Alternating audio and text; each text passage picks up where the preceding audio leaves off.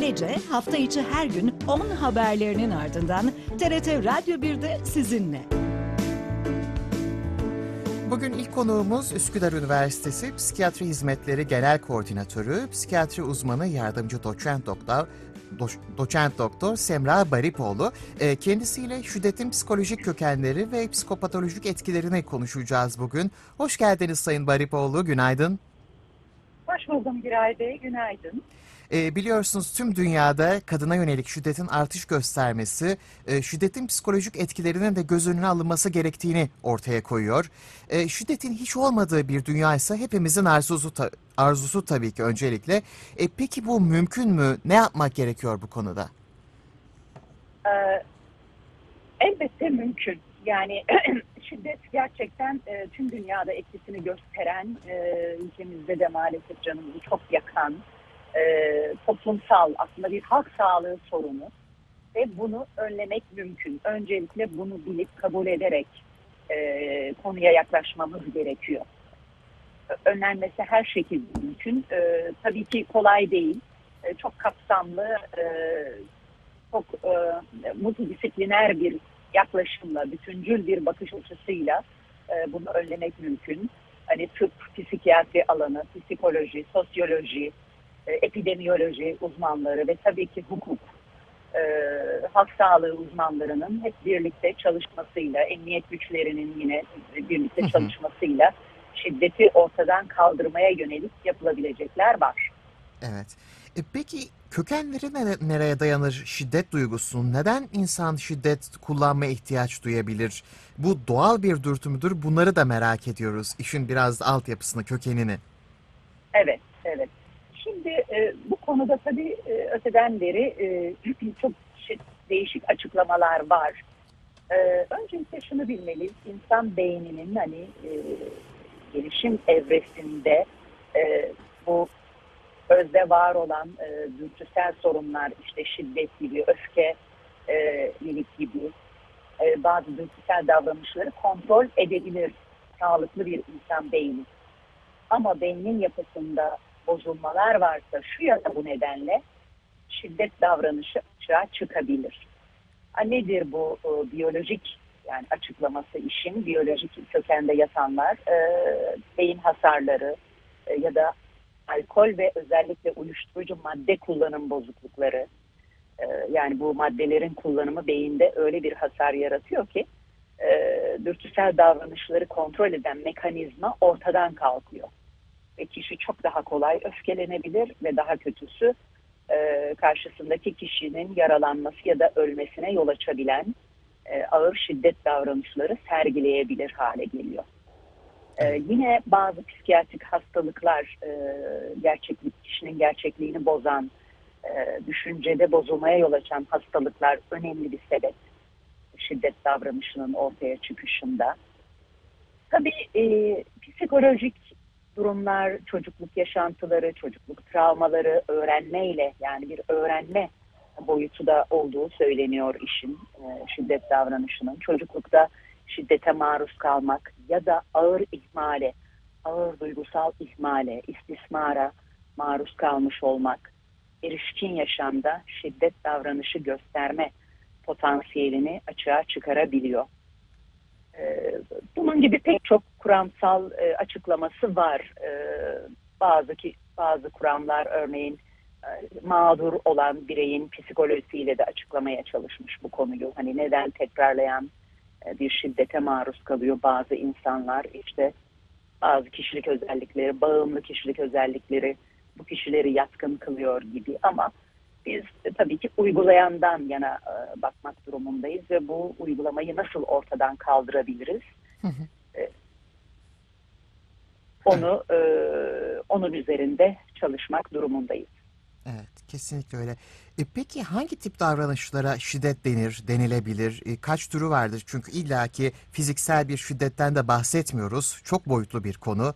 E, siz nasıl Evet. tanımlarsınız bu konuyu? Evet, şiddet hani sadece fiziksel e, güç uygulanarak değil, e, var olan e, gücünü kullanarak e, da karşısındaki kişinin zararına e, oluşacak bir davranış sergilemek, onu tehdit etmek de e, şiddet kapsamına giriyor. Örneğin işte iş yerinde üst pozisyonda birinin gücünü kullanarak e, bir diğer çalışana e, bazı şeyleri dayatması da aynı şekilde şiddet. Tabii ki e, e, fiziksel şiddetin yanı sıra psikolojik şiddet olarak da bunlar genel çerçevede adlandırılıyor. E, yine yani baskı, sert davranmak, sürekli öfkeli hareket etmek, sürekli eleştirmek, e, hakaretamiz konuşmalar bunların hepsi psikolojik şiddet ya da kişiyi bazı haklarından mahrum bırakmak, çocuğa yönelik örneğin e, ihmal etmek, ağır ihmal, onun bakım ihtiyaçlarını ya da evde bir yaşlıya ya da eşinize yönelik, eşe yönelik ihmal, e, istismar, bunların hepsi e, şiddet kavramının içinde ele alınacak konular. Evet. E peki şiddet insanın da doğasında var mı? Az önce de sordum. Yoksa sonradan mı öğreniliyor? Bu şiddete iten etkenler tamamen dış etkenli diyebilir miyiz? Ee, öğrenmenin ve e, örnek almanın, rol model e, etkisinin payı oldukça büyük. E, bir de tabii karşılığını alması kişinin e, bu davranışı ortadan e, kaldırmaya yönelik yani hukuki önlemler e, uygulanması ya da uygulanmaması e, kişinin davranışlarını etkiliyor. Yani evrimsel genetik olarak var olsa bile hani dürtü, e, öfke dürtüsü, agresyon, saldırganlık dürtüsü var olsa bile dediğim gibi gelişmiş insan beyni bunu kontrol edebilecek yapıda.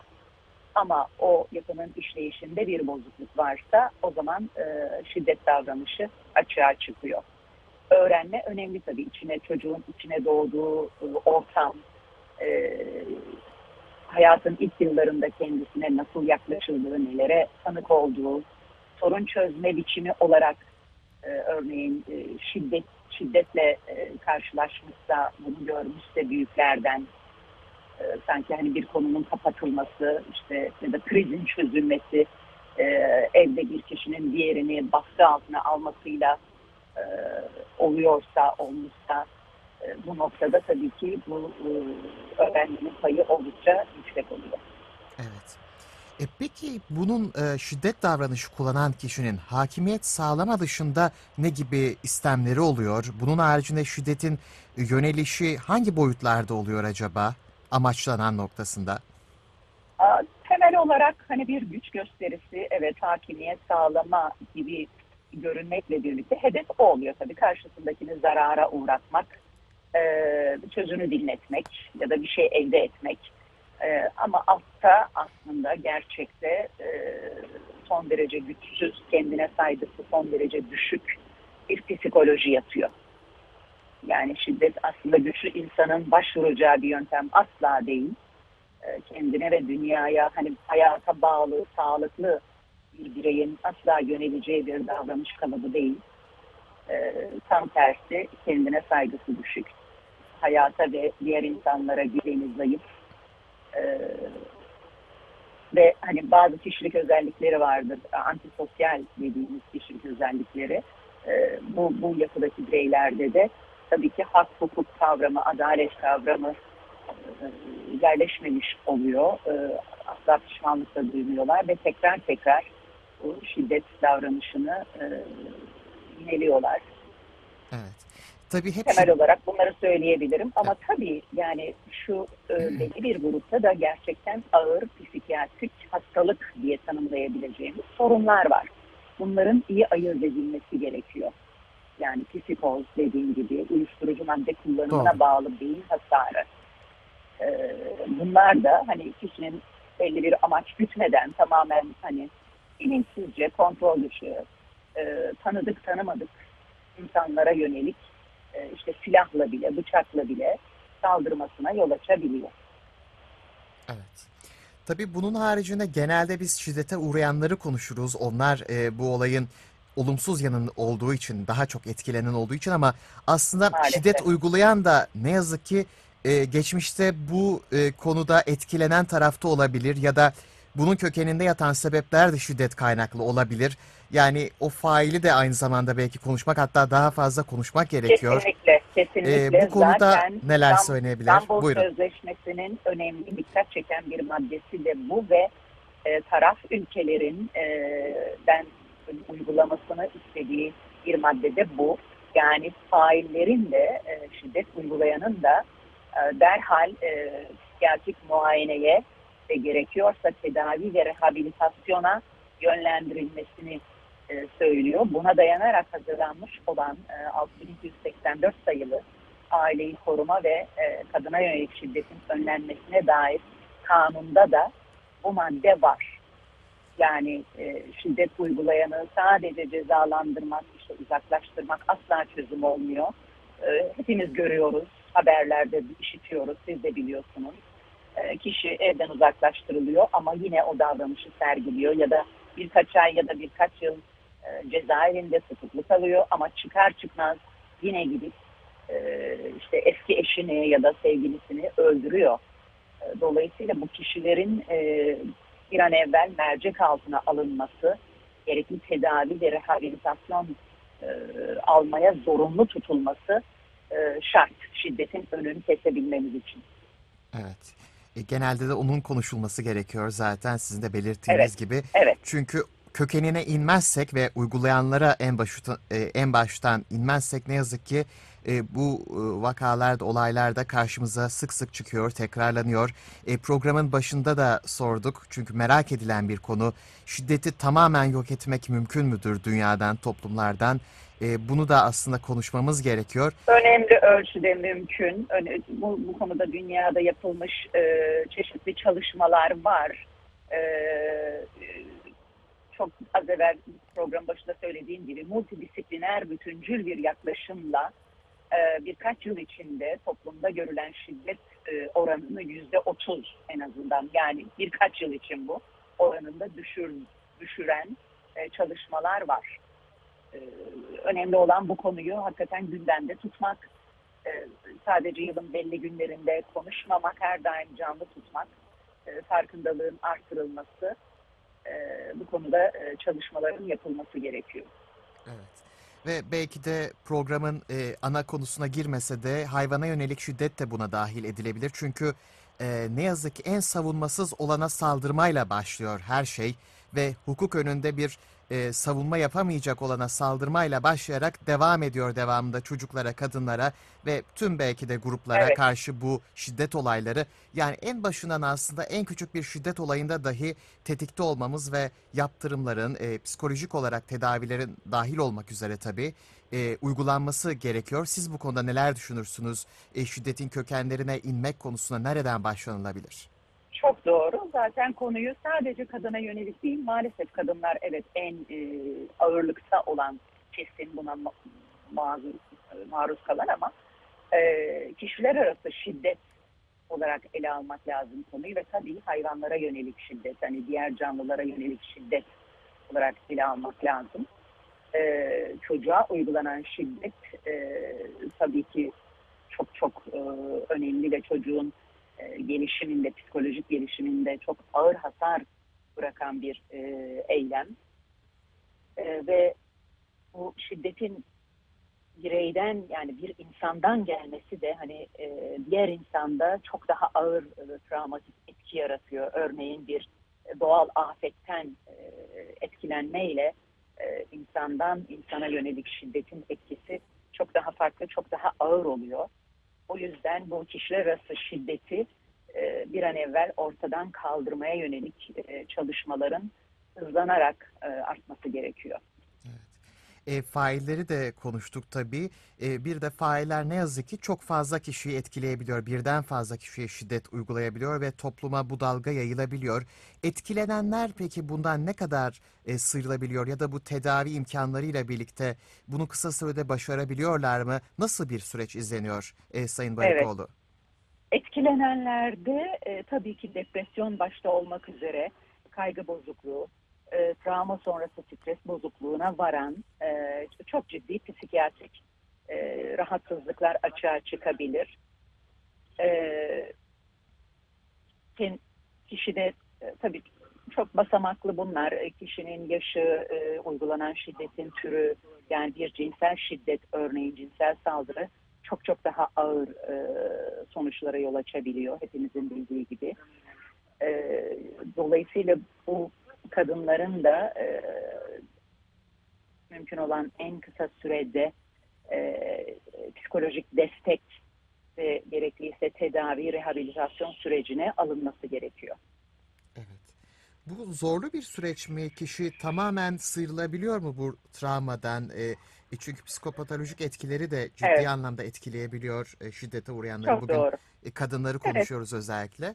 Evet, zorlu bir süreç ama e, yani kadının kadının e, geçmiş repertuarına bağlı olarak hani içinde bulunduğu yaş, o yaşa kadar e, toplumda edindiği yer, e, potansiyeli, işte işlevselliği, tüm bunlara bağlı olarak değişkenlik gösterir ne kadar etkileneceği. Ama e, her koşulda etkilenir. Yani e, kimse bundan hasar almadan çıkar diyemeyiz. E, hele çocuklar çok çok daha hassas, kırılgan dönemindeler yaşamın. E, dolayısıyla e, az ya da çok etkilenme mümkün. E, evet, e, kişilik özellikleri itibariyle daha matür, daha olgun e, yaş grubunda olanlar çok iyi bir psikososyal destekle e, eski yaşantısına geri dönebilir. Tabii ki karamsar değiliz. E, bu konuda gerek birinci derecede yakınlarının desteği, gerekse e, verilecek sağlık hizmeti, psikolojik destek, hukuki destek tabii ki adalet duygusunun onarılması burada kritik, bir nokta. Yani suçlunun e, gereken e, şekilde ceza aldığını görmesi, e, kişinin e, hayata ve e, insanlara güvenini tazelemesinde çok önemli rol oynuyor. E, bu da işin önemli bir parçası. Evet. Son olarak neler söylemek istersiniz?